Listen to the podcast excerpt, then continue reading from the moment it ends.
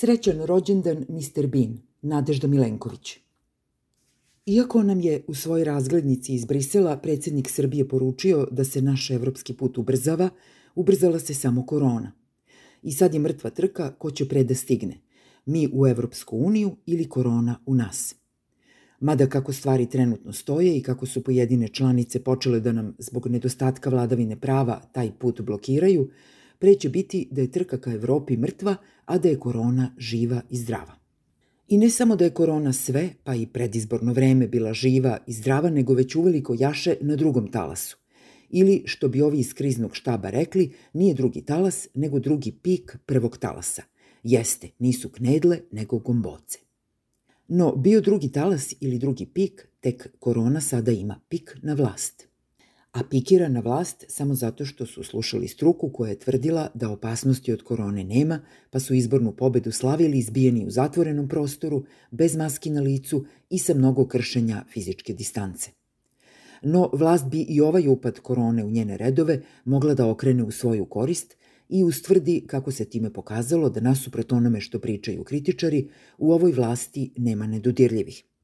Sa druge strane, virus su ipak zakačili samo bivši pripadnici vlasti. Bivši ministar, bivša predsednica raspuštenog parlamenta, bivši direktor kancelarije, tako da opet ispada da ti vlast daje imunitet. Pa će tako imunitet od gonjenja, ne od korone, dobiti i oni koji su se svojski potrudili da izbornim marifetlucima zagade minuli praznik demokratije. Do duše, imunitet zaista zaslužuje Savez vojvođanskih Mađara, jer on nije kupio onolike glasove u Vranju, a dobit će ga onaj koji je glasove kupio, ali za svoju lokalnu listu samo nije objasnio da ne zaokružuju isti broj i na listi za republičke izbore.